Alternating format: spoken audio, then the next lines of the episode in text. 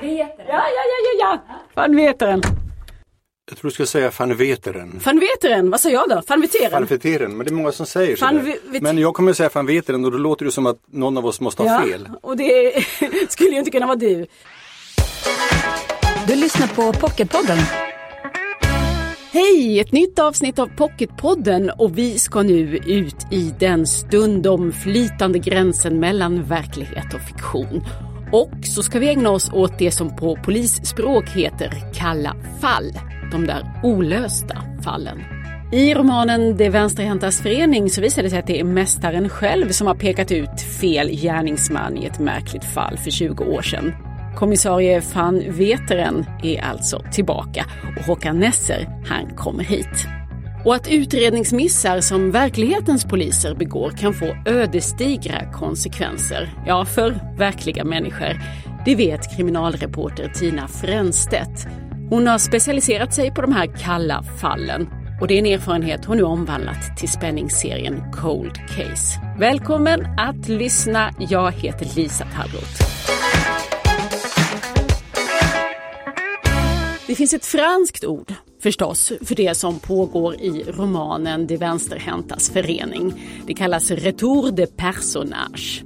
Det är när karaktärer från tidigare historier återvänder och ännu hellre träffar på varann. Och nu är det dags för kommissarie van Veteren, som ju är känd från tio tidigare romaner, att nu då föras samman med kommissarie Gunnar Barbarotti som har lite mer blygsamma fem egna romaner i bagaget. Och författaren till det hela är förstås Håkan Nesser. Välkommen hit till Pocketpodden. Tack så mycket. Nu verkar ju människor väldigt upphetsade över att det just är van Veteren och Barbarotti som ska få träffas här. Deras cirklar ska äntligen mötas. Men jag tycker faktiskt inte att det är det mest upphetsande med den här boken. Så nu när, jag har fått, nu när vi har sagt det här så tänker jag att vi puttar ner det lite på listan över saker jag vill prata om. Håller med om det. Det finns ju en hel del annat. Ja, det kan ju inte bara handla om ett möte mellan två gamla kommissarier. Det blir ju väldigt tunt i så fall. Det kan ju inte ens bli en haiku av det. Så att det är bra att vi siktar på annat, det tycker jag också. Vi lägger det som en cliffhanger till lite längre fram. Jag vill istället börja från början och jag ska be dig att läsa starten på denna roman, Det vänsterhäntas förening. Varsågod. Kapitel 1 1957-58 Åsterby med omnejd. Martin Winkelstrop växte upp med två skavanker. Han hade ingen far och han var vänsterhänt. Att han var faderlös blev han tidigt medveten om. Det var antagligen i treårsåldern eller däromkring, för det var vid det laget som hans mor, Louise Henriette Winkelstrop, började banka in livets grundförutsättningar i skallen på sin införde son. Till exempel att sådana där som gärna sprätt omkring i långbyxor och hatt eller keps och som ibland skrudade sig med skägg och mustasch eftersom de var för lata för att raka sig, sannerligen inte hade något att hämta i familjen Winkelstrop. Så var det med den saken. Vet du, vad- vet du vad jag gjorde? Igår satt jag och tittade på alla dina första meningar, nästan, i ett 30-tal eh, romaner som du har gjort. Kan du själv på rak arm säga om du har någon bättre första mening i någon annan roman än eh, denna? Ja, möjligen i... Alltså första, första meningar är ju en speciell genre. Alltså, de får inte vara för bra heller för då dödar man andra meningen. Du måste liksom, om första meningen är, är, är superb så, så kan det gärna falla om andra meningen inte riktigt hänger på den där första meningen. Men jag har för mig att i en av van Veteren-böckerna, jag tror det är nummer två, så är det en väldigt bra öppningsmening. Ska jag dra den ur huvudet? Ja, har du den i huvudet? Det vet jag inte än för jag börjar. Om Ernst Simmel vetat om att han just stod i tur att bli halshuggarens andra offer hade han förmodligen unnat sig ytterligare ett par drinkar på Blåskeppet. Det stämmer. Jag skrev av den. Ja men alltså den, den, den duger också. Den är också bra. Den är också bra. Så den kan få vara med i, på topplistan. Men annars tycker jag att eh, den här, eh, Det vänsterhäntas förening, börjar så bra för att man får både så mycket information och man förstår vilken ton som kommer att vara i denna bok. Man skulle kunna säga att den är omisskännligt nessersk, tonen. Ja, eller också har man snott den från någon annan, det vet man aldrig. Om man kommer på något som är väldigt bra så är det ofta så att det här måste ju någon ha tänkt eller sagt eller skrivit för. Och då tänker man i varje fall jag ofta att det här, jag citerar förmodligen någon, men jag vet ju inte vem. Så i, den, i det hänseendet får den väl vara en essersk då. Ja. Den rör sig ju på flera tidsplan. Tre stycken va? närmare bestämt. Det är 50-60-tal mm. eh, och sen har vi ett 90-tal och så har vi 2012. Och vi har ett fall i botten, en mordbrand som på 90-talet inträffade. Ett antal människor hittas döda och van Veteren, han blir kallad att lösa det här fallet. Han tror sig göra det men sen 22 år senare så visade det sig att han hade pekat ut fel eh, mördare och fallet öppnas igen. Och fallet som vi då kommer, som kommer ta många vindlande vägar även upp till Sverige, det får någonstans ändå sin eh, början i denna Det vänsterhäntas förening. Och vad är det för en sammanslutning? Ja, det är ju, det är ju den här gossen Martin Winkelstrup som vi hörde om i början här. Han, han är vänsterhänt och eh, det är ju ett handikapp på den tiden. Jag träffar många läsare nu som berättar om sina fasansfulla upplevelser om vad som hände om man var vänsterhänt förr i tiden. Man, man fick ha armen bunden på ryggen. Man fick absolut inte skriva med vänster hand. I det här fallet får de alltså en sorts korrektionshandske som inte har några fingrar som de måste ha på sig om vänster hand hela skoldagen och så vidare för att kunna rätta till det så de blir högerhänt skriva. Och så är det då en annan pojke till att börja med som också är vänsterhänt och de bildar de vänsterhäntas förening för att han, de tycker väl att de är lite åsidosatta av den här lärarinnan. Och så kommer det några fler medlemmar och den lever kvar alltså från 57, 58, hela 60-talet och tar väl slut någon gång, ja när de har tagit studenten egentligen, 1970 ungefär. Så ja, de, förmodligen så har jag ju tänkt på en annan förening, nämligen de rödhårigas förening Conan Doyle som som, Sherlock Holmes. Sherlock Holmes, ja visst. Som, som, det är en bra titel alltså, de rödhåriga. Varför ska rödhåriga ha en förening? Varför ska vänstern ha en förening? Så att titeln hade jag nog i det här fallet rätt så tidigt skulle jag tro. Och detta sätter förstås myror i huvudet på eh, vår kommissarie, vad den här föreningen egentligen har haft för sig och varför de envisas med att dyka upp i det här fallet. Ja, Ehm, du gillar ju när det flyter mellan verklighet och fiktion. Eller hur? Mm, ja absolut, jag menar, det, det är i de tassemärkena som all litteratur utspelar sig.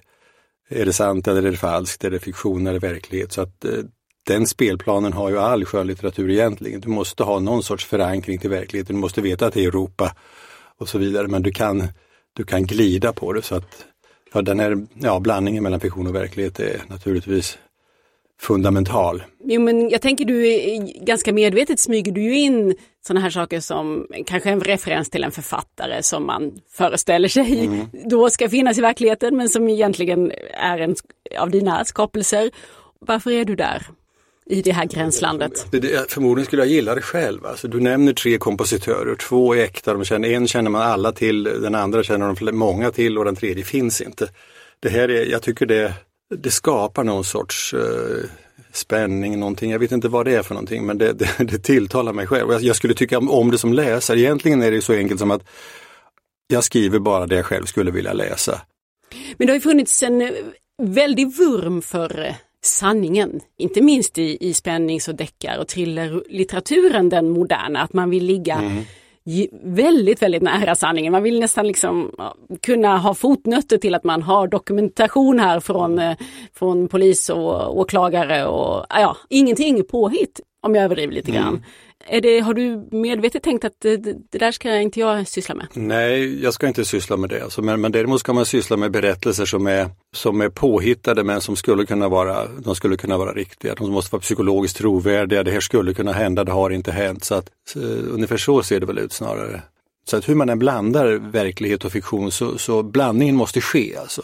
Det är väl ungefär som, som hur mycket mjölk man ska ha i kaffet eller inte alls. Det finns ju 15-20 olika sorters kaffe och alltihopa är bara mjölk och kaffe egentligen, inget annat. Men då går det att mixa det på väldigt mycket olika sätt. Det var en bra liknelse. Mm. Mm. Och i din mix så får det vara en hel del egna uppfinningar. Men absolut. Jag menar, jag, jag hittar ju på saker som inte finns och det är intressant. Det är översatt till en massa språk och då till exempel Pommerstenshus använder jag väldigt ofta och det finns inte. Och ändå kan de översätta det till andra språk. Det är lite intressant att de, vissa, vissa översättare hör av sig. Vad är det här för någonting? Och då säger jag, men jag hittar på det, du får hitta på det själv också. Men många hör inte av sig alls och översätter Pommerstenshus till någonting på ungerska eller tyska eller franska eller vad det kan vara. Men du, nu går jag vidare. Döden och åldrande är min nästa punkt som jag skulle vilja prata med dig om. Det är ju ehm, intressanta saker, tror jag att du tycker eftersom du uppehåller dig vid det här i dina böcker, inte minst i denna. Här blir det särskilt aktuellt eftersom vår kommissarie Van Veteren. Van Veteren, han känner sig ju förskräckligt gammal. Han ska fylla 75 här i dagarna när boken utspelar sig och han bearbetar detta på olika sätt, framförallt i samtal med sin hustru Ulrike Främdli. Mm. Det är många sådana passager i boken när de helt enkelt samtalar om livet och dess eh, förgänglighet. Vad, vad ska vi säga, på vilket sätt åldras van Veteren? Ja, han åldras ju inte helt och hållet med värdighet får man väl säga. Han, han är bekymrad över att ha levt i tre kvarts sekel. Han tycker det låter väldigt mycket. Men samtidigt så vet han ju att det här är ju villkoren egentligen. Så han är ju samtidigt som han då är som han då gnäller över det här och är en gubbe som, som är lite vrång och sådär så, så tack vare Ulrike Fremdli, som, som, som alla kvinnor är mycket klokare än männen är alltid dessutom lite yngre än honom så, så hon rätar ju upp det, rättar till det så att säga. Men hon är ju hans klagomur på något sätt när han tycker att oj vad, vad jag har blivit gammal och sådär. Eh, naturligtvis är döden, jag menar om man inte skriver om döden, vad ska man då skriva om? Alltså det, det finns inga, inga bra böcker överhuvudtaget som inte har, en, som inte har döden in, i, på något sätt som en spegel för livet. Det är ju liksom, det är grundförutsättningen att vi i döden ser vi våra liv allra tydligast. De människor som inte funderar över det här, de vet jag inte vad de funderar över egentligen. Han funderar ju högt, eh, van Veteren och säger saker som att om det här samtalet som han nyss haft med sin fru aldrig hade ägt rum, ja då skulle inte det ha spelat någon som helst roll för framtiden. Och att eh, visst är det väl så att fjärilens vingslag i de allra flesta fall inte betyder ett skit. Det låter ju som att han har kommit fram till en, en ganska dyster utkikspunkt. Jag tror att om man föreställer sig att man ska lämna spår hela tiden och överallt, då tror jag man, man överskattar sin betydelse en hel del. Jag menar om jag, om jag står och tittar på ett vackert blommande träd ute i skogen så här års, så behöver jag ju inte, framförallt behöver jag inte ta en bild av det. Jag behöver inte ta en selfie under trädet. Det kan, jag kan nöja mig med att titta vilket vackert träd. Nu står jag här med min hund och tittar på det trädet. Sen går jag vidare. Jag kanske glömmer bort det helt och hållet men den här, den här korta upplevelsen, carpe diem är också ett slitet uttryck men, men man måste ju om man ska leva något sånär vettigt tror jag så måste man ändå förstå att, att det, är, det är nuet som är viktigt. Det är, kanske inte är framtiden eller, eller baktiden utan det är det som händer mig just nu, att jag är närvarande i det här nuet. På något sätt. Nu vet jag inte om van Veteren kommer fram till de här klokskaperna i den här boken men han kanske närmar sig dem i alla fall. Du säger ju att han är mer intelligent än vad du är. Ja det är han. Det är han. Hur, kan, hur är det möjligt? Jo, men man kan skapa det som är smartare än, än en själv. Det har jag. hur ska du bevisa det? Ja, det vet jag inte, men, men jo, men han är det. Alltså, jag, jag ser ju van Veteren som en person som jag inte förstår mig på riktigt. Han har, dels är han ju, han är ju liksom lite sorglig figur också. Han är, han är desillusionerad, han har jobbat så länge och sett så mycket skit i världen tack vare att han varit polis så länge. Jag närmar mig honom som, han skulle kunna vara min far, alltså som jag i och för sig förstod mig på ganska bra, men det är ändå någon person som jag har en han vet mer än jag. Han, han är klokare än jag, han, han kan mer om livet, han ser mönster som inte jag ser och så vidare. Och på det sättet närmar jag mig inte Gunnar Barbarotti utan han är mer min lillebror, alltså att honom har jag kontroll över. Han, Gunnar Barbarotti och jag, vi är väsentligen samma, samma person, alltså på något sätt, fast han är tio år yngre än jag eller något sånt där. Men van Veteren är, ja, i mångt och mycket en gåta. Mm. Och det ska vara så. Och Barbarotti då, vad ska vi säga, om han är din lillebror och är visserligen yngre men han, han åldras ju också, det gör vi ju alla mm. hela tiden. Hur åldras han? Ja han är ju, den boken som jag skriver nu, alltså jag håller på och jag försökte stoppa in honom på, på Gotland, Barbarotti. Jag håller på med en bok där Barbarotti av någon anledning får besöka Gotland och utreda ett fall där i smyg. Men jag tror inte han funderar lika mycket på åldrandet, som han är ju yngre också som, som van Veteren gör. Men han är ju en, han är en grubblare, han funderar på vad är rätt och fel. Han ställer de väsentliga frågorna hela tiden, alltså med, med viss självironi också. Så han är, han är en mjukare figur än van Veteren. Det är lättare att identifiera som en Barbarotti. Han är som du och jag, vem som helst, som, som tänker sådana här och funderar på livet. Inte i så storvulna termer kanske, men, men han är ändå en, en sökare, det är han absolut. Inte några omedelbart lättflörtade figurer, men å yrkets vägnar tvingas de att eh, att ses och försöka lösa det här fallet tillsammans.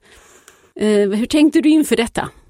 Jo, jag tänkte att jag måste, att, att flytta van Veteren till Sverige, det verkar så osannolikt så det går inte. Jag måste flytta Barbarotti så småningom söderut så han får, han får ta sig an ett fall där på van Veterens hemmaplan så att säga. Det finns en tråd som leder upp till Sverige och ett ganska nytt mord som Barbarotti ska utreda. Och det ger honom och Eva Backman anledning att åka ner till, till Mardam för att med hjälp av van Veteren tillsammans lösa det här. Barbarotti vet nog vem van Veteren är för han är ganska välkänd i Europa. Däremot vet inte van Veteren vem Barbarotti Han kan inte lära sig Barbarottis namn till exempel. Man måste fråga sin fru vad är han heter den här konstiga människan. Eh, till exempel. Det är en klassisk härskarteknik. Ja det är en klassisk, ja, men, men, men det, det, är det, men han gör det nog omedvetet, ja. en omedveten härskare i så fall. När de sen skiljs så respekterar de nog varandra. Sanningar förändras över tid, säger de till varandra. Det är väl van Veteren och hans um... Schackspelare är det väl, det är Mahler just. Du sa ju för några år sedan att du har lagt det här med deckare bakom dig. Det var en sanning som förändrades ja, över tid. Det, det gjorde den, absolut. Men det går ju, det är inget fel på genren. Alltså det, du, du måste berätta en historia som har ett driv framåt. Döden är närvarande, du kan reflektera över liv och död, du kan ställa existentiella frågor. Det är naturligt att göra det i en kriminalroman.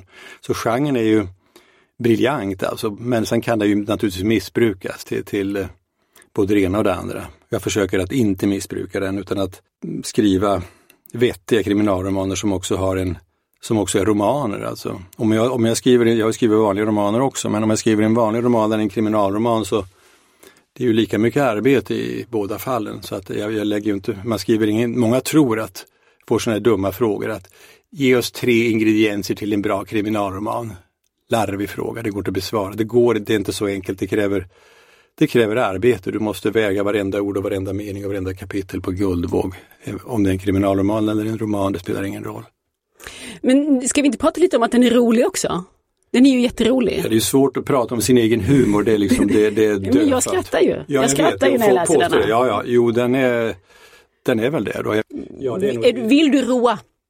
Ja, underhålla. Alltså, underhållning är ju sånt här, sånt här lite negligerat ord också. Att man säger att det här är underhållning. Spänning är också samma sak. Det ska inte vara spännande, det ska inte vara underhållande. Det ska vara tungt, dystert och tråkigt. Det är en bra bok. Men många läsare tycker ju inte det. Det ska någon form av spänning, någon form av underhållning, några frågetecken som rätas ut och så humor. Det blir ju lättare att läsa då. Det blir roligare att läsa, det blir intressantare att läsa. Man ska inte försöka skriva tråkiga böcker. Om man inte är vansinnigt begåvad, då kan man kanske ge sig på det, men det är inte jag. Nej, vi får väl varna då och säga att den här är inte tung, dyster och tråkig. Tung den här är möjligen, för det är 550 sidor av det, så att den är tjock i varje fall. Och den heter De vänsterhäntas förening och finns nu då som pocket. Tack så mycket Håkan Nesse för att du kom hit. Tack så mycket. Pocketpodden. Det ska bli mer spänning nu i våra boktips från dig, redaktör Cecilia Losberg. Ja. Hej! Hej! Tre spännande pocketböcker har du tagit med dig. Mm. Var vill du börja? Jag tycker vi börjar med Flickan utan hud av författaren Mats Peder Nordbo. Och det som jag tycker om så mycket med denna är att den utspelar sig på Grönland. En kropp hittas i en glaciär och man tror att den här kroppen är många hundra år gammal och kan, kan vara liksom en pusselbit i landets historia. Och när poliser och eh, några journalister åker dit för att titta på det här och försöka liksom reda mer i det så är kroppen borta. Den kropp som de först hittade är borta och de hittar en ganska nyligen mördad person där istället på samma plats. I det här liksom supermakabra brottet så får man också vara på det här hisnande, liksom vackra, karga, kalla Grönland. Och jag som vet ganska lite om Grönland tycker att det här är jättespännande att ta del av för att man får ju faktiskt en ganska bra liksom, inblick i det grönländska samhället. I liksom, kulturkrockar mot ett ganska traditionellt grönländskt samhälle med inuiter kontra då ett modernt danskt samhälle som tar sig in Flickan utan hud ja. i titeln Mats Peder Nordbo. Från ett annat nordiskt grannland mm. kommer nästa bok. Ja, precis. Katarina-koden heter boken av den norska författaren Jörn Lier Horst. Och Horst är ganska gammal i gamet. Han är kommissarie sedan tidigare och har skrivit rätt mycket böcker, men det här är första boken på Wahlström och Widstrand. Och Jörn Lierhorst är lite som Håkan Esser som vi fick lyssna på innan. I det att det är inte nödvändigtvis liksom ett makabert brott eller en liksom blodiga scener som ska liksom utspela sig utan här handlar det om ett brott och det handlar om hur polisen helt enkelt ska lösa brottet. Det är systematiskt, intelligent. Jörn Lierhorst, alltså Katarina-koden, mm. heter den boken. Ja. Och den sista är en svensk författare. Precis. Här har vi Jenny Rogneby som skriver om den ganska speciella kriminalkommissarien Leona. Det här är fjärde delen om Leona och den heter Ur aska i eld. Det här handlar om ganska sköra ungdomar som blir del av ett forum på nätet och det här forumet uppmuntrar till någon slags kollektiv självmord. Och när det första självmordet har liksom begåtts i staden i Stockholm så förstår Leona att det här är bara första i en lång serie av planerade självmord. Och hon måste då försöka ta reda på när nästa ska ske, vem det är som liksom uppmuntrar och uppviglar liksom till det här. Hon befinner sig ganska mycket i så här, det mörka internet. Jenny Rognebys ja. Leona Uraska i eld heter den sista tredje nagelbitaren får man väl säga som du har tipsat om idag. Tack så mycket Cecilia Losberg. Tack så mycket. Människor som försvinner spårlöst, mord som förblir gåtor. Ja, det finns över 600 sådana här så kallade kalla fall i Sverige. Men vi kan ju påminna oss om att det inte längre finns någon preskriptionstid för mord. En utredning kan när som helst öppnas och en mördare kan faktiskt när som helst fällas. Och just de här kalla fallen har journalisten Tina Fränstedt jobbat med som kriminalreporter då på tidningar och tv. Och det här är erfarenheter som nu har tagit vägen in i en ny bokserie. Och jag har första delen här, den heter Cold Case Försvunnen. Välkommen till Pocketpodden Tina Tack så mycket, kul att vara här. Du har hämtat förlagan, eller hur, till den här boken Försvunnen från ett verkligt fall. Ja det har jag, jag är inspirerad mm. utav det kan man säga. Och det är, egentligen är det två fall, men det är framförallt ett eh, försvinnande i Mariestad för 26 år sedan. Eh, Helena Andersson en ung kvinna som försvann efter att ha varit ute på Stadshotellet i Mariestad. Och man har aldrig hittat hennes kropp. Men du har ju förflyttat handlingen till Skåne och Simrishamn och omständigheterna är ändå eh, annorlunda, eller hur? Exakt. Jag har ändrat liksom eh, de fysiska sakerna runt omkring henne mycket för de anhörigas skull, men också för att ge mig själv en viss frihet i skrivandet så behöver jag göra det. Eh, för det är ju ändå en sorts, eh, alltså det är ju en roman och det är ju underhållning. Men de här kalla fallen, om vi ändå bara ska stanna lite vid dem som fenomen, för du har jobbat med många sådana. Eh, de olösta gåtorna, ibland är människor helt enkelt försvunna och ibland har man en kropp, en mördad kropp men ingen, ingen mördare. Va, vad är det som gör att ett fall kallnar? Det kan ju vara många olika saker. I flera utredningar som jag har skrivit eller eh, haft uppe i i tv-programmet jag jobbade med. Där handlade det också om eh, att det varit dåliga utredningar från början. Att man helt enkelt har gjort en hel del fatala misstag i början utav en utredning och det får konsekvenser för att den första veckan av en polisutredning efter ett brott är så himla viktig. Och allra viktigast egentligen de två första dygnen. Och gör du sådana här eh, fatala misstag som till exempel i eh, utredningen på Helena Andersson där man inte spärrade av eh, mordplatsen i tid, Eh, man skötte förhören dåligt. Eh, det var flera som blev förhörda långt, långt senare och då kanske också hunnit skaffa sig alibi och förändra sina historier och kanske minnesbilderna också hade förändrats. Tyvärr gör det att då kommer man efter och eh, då får gärningsmännen ett försprång som inte går att reparera. Men sen finns det också andra där det helt enkelt bara är väldigt, väldigt svårt. Det kan vara, det kan vara otur. Man kan ha tänkt fel, som till exempel Ja, nu ska jag inte gå in i min Som egen bok. Som utredare menar du att man kan ha tänkt fel? Ja exakt, du kan ju tänkt, alltså det kan vara ett helt ett tankefel. Du har inriktat dig så hårt på ett spår utav olika anledningar och så egentligen är det någon helt annanstans du skulle leta därför det har hänt någon liten grej någonstans och den saken har gått under radarn. Eh, och det tycker jag är väldigt spännande, att hitta den där lilla biten eh, som faktiskt kan vara avgörande. Och det behöver inte vara, det är liksom inte polisen som gör ett misstag för det, utan det är ju ett mänskligt fel. Kan man säga någonting om vilken typ av fall det är som kallnar? Jag kan inte säga att jag har en samlad bild utav att det finns en sån gemensam faktor, för jag tror det kan vara, se rätt olika ut. Men eh, de fall som jag har bevakat med är ganska ofta kvinnor som har varit på väg hem någonstans och det finns få vittnen helt enkelt. Det försvårar såklart när du inte har vittnen. Och du var inne på det här vad det betyder för anhöriga och det är en viktig del i din historia Cold Case Försvunnen mm. att du ger ett porträtt av Annikas mamma. Hon heter ju så i din bok Offret. Varför var hon en viktig karaktär att skildra tycker du? Ja, men jag tycker att Eh, det är en av anledningarna tror jag till att jag började ägna mig och skrev mycket om eh, Kalla fall. Just att jag såg hur hårt drabbade de anhöriga blev utav ett eh, ouppklarat fall. Till exempel Helenas systrar då som jag intervjuade och det hade gått över 20 år första gången jag träffade dem. Och jag såg att i deras liv var det fortfarande så oerhört närvarande.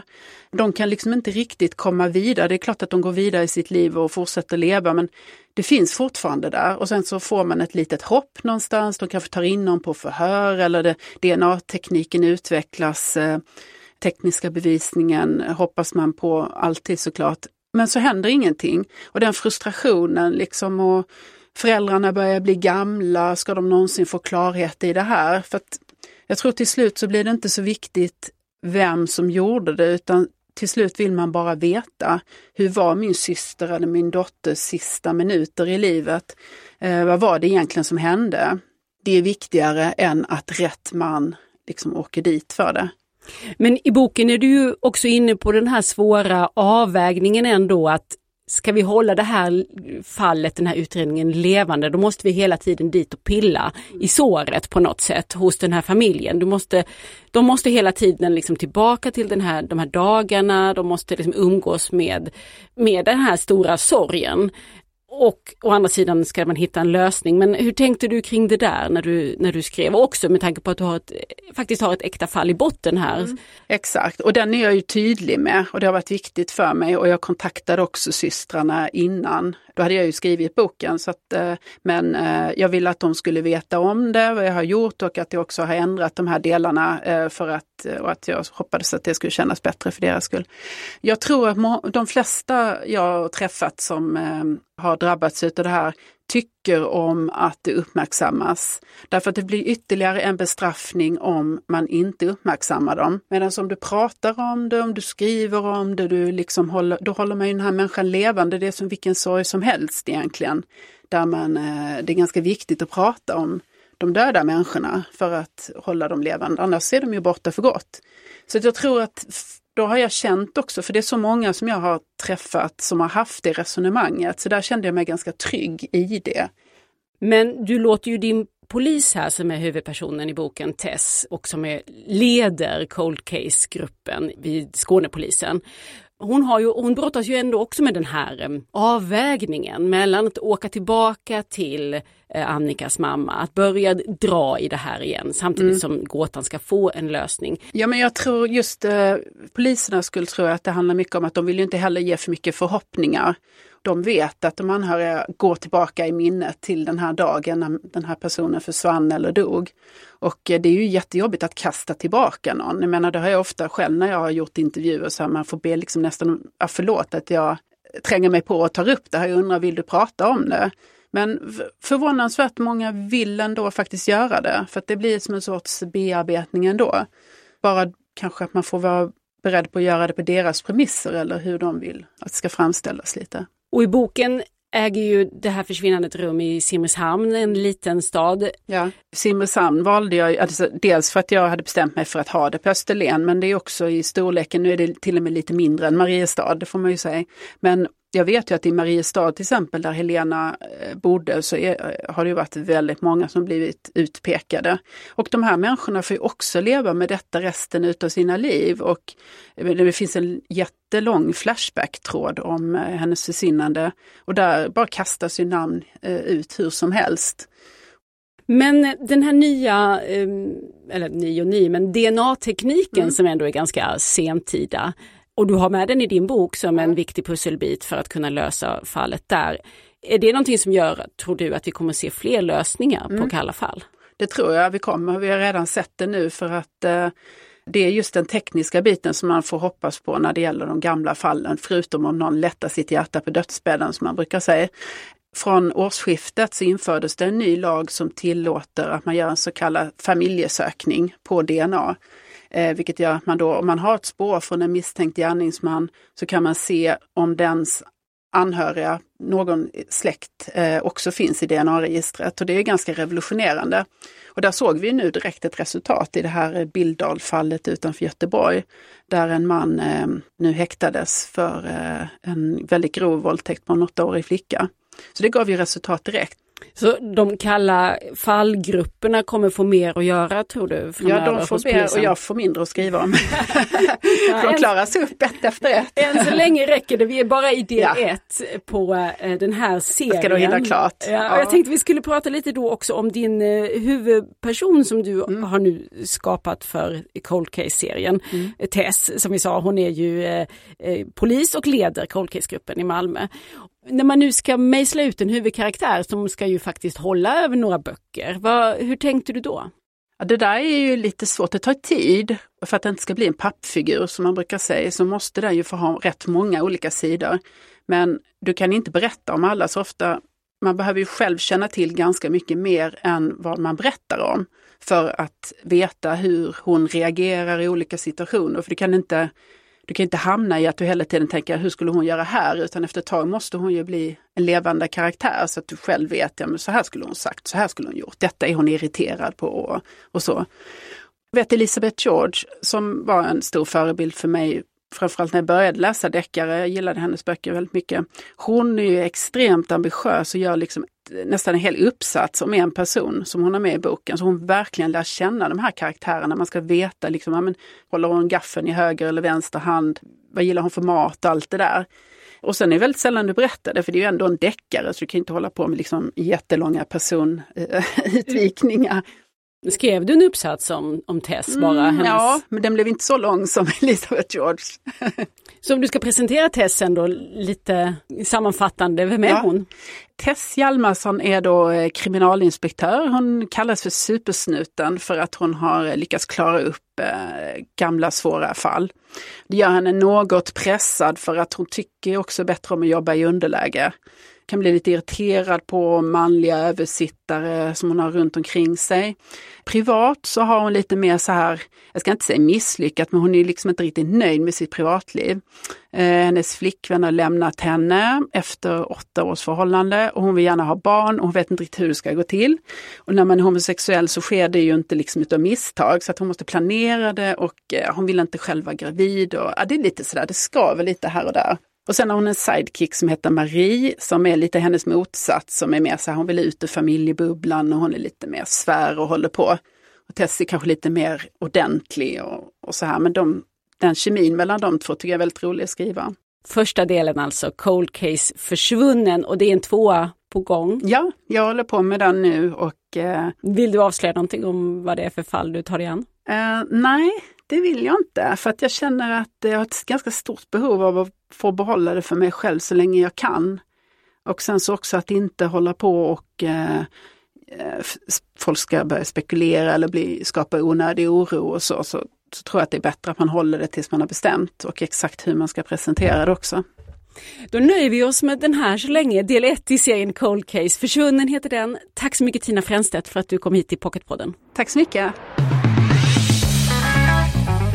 Sponsor för Pocketpodden det är Pocket Shop som i år också firar 30 år. 30 år har man försett läsarna med pocketböcker här i Sverige. Och välkommen försäljningschef Torbjörn Elbe. Tackar. Och 1989 startade ni. Berlinmuren faller, ja. Tommy Nilsson vinner Melodifestivalen. Ja, bara en sån sak. och eh, vad var det du kom ihåg också att eh, påven censurerade Madonnas Like a ja, Prayer? Ja, Like a Prayer. Ja, men precis. Framförallt videon var lite, lite för och mitt i detta eh, heta politiska ja. klimat så dyker då Pocket Shop upp med sin första butik. Ja precis, i juni 89. Ett litet provisorisk butik mitt på Stockholms centralhall på golvet där. Vad var idén? Det var att erbjuda bra böcker till människor som inom en snar framtid ska sitta sysslolösa kan man säga. Alltså sitta, sitta på tåg och läsa böcker. Den traditionella bokhandeln var egentligen inte intresserad av att sälja pocketböcker för de var för billiga. Man ville sälja inbundet och även bokförlagen ville sälja inbundet. De pocketböcker som fanns såldes ofta då, typ genom Pressbyrån. Det var Harlekin eller Bill och Ben och du vet, de här typiska kioskdeckarna. Så det blev ju en succé från, från dag ett och till, till vissas då, då Fasa, exempelvis då Pressbyrån och så vidare som hade, ansåg att man hade monopol på att sälja böcker på centralstationen. Så, så de ville naturligtvis bli av med Pocket Shop och, och det fanns väl andra också som inte ville att vi skulle vara där. Och när det började den här debatten om Pocket Shop skulle få vara kvar eller inte så började alltså, folk spontant skicka vykort och så här, för det var på den tiden. Det sätt man kommunicerade på den tiden, långt innan mejlen fanns och så här. Det är ett här fint med vykort med kungafamiljen på här så skriver de här. Äntligen kan man köpa bra reselitteratur på Centralen. Äntligen hittade jag Tunströms tjuven här mitt på Centralstationen. Det var sensationellt att kunna köpa bra, schyssta böcker på ett ställe som Centralstationen. 30 år sedan Pocket Shop öppnade, minns du vilken som var den första sålda boken i mm, butiken? Absolut, absolut. Livsens guide till galaxen. Precis. Den håller än. Det är lite grann skön Pocket Shop-bok tycker jag. Ja. Det är kul att det är just den titeln av någon anledning. Liftarens guide till galaxen, det ska vara sådana vältummat ex som har varit Exakt. ute gärna på en tågluff. Tack så mycket Torbjörn Elbe och tack för att Pocket Shop sponsrar Pocketpodden. Självklart, tack. Det var allt för den här gången. Lyssna igen. Varannan fredag hör du ett nytt avsnitt av Pocketpodden. Till dess följ oss i sociala medier. Där heter vi Älska Pocket. Och jag heter Lisa Tallroth. Tack och hej! Du har lyssnat på Pocketpodden. En podd från Bonnierförlagen.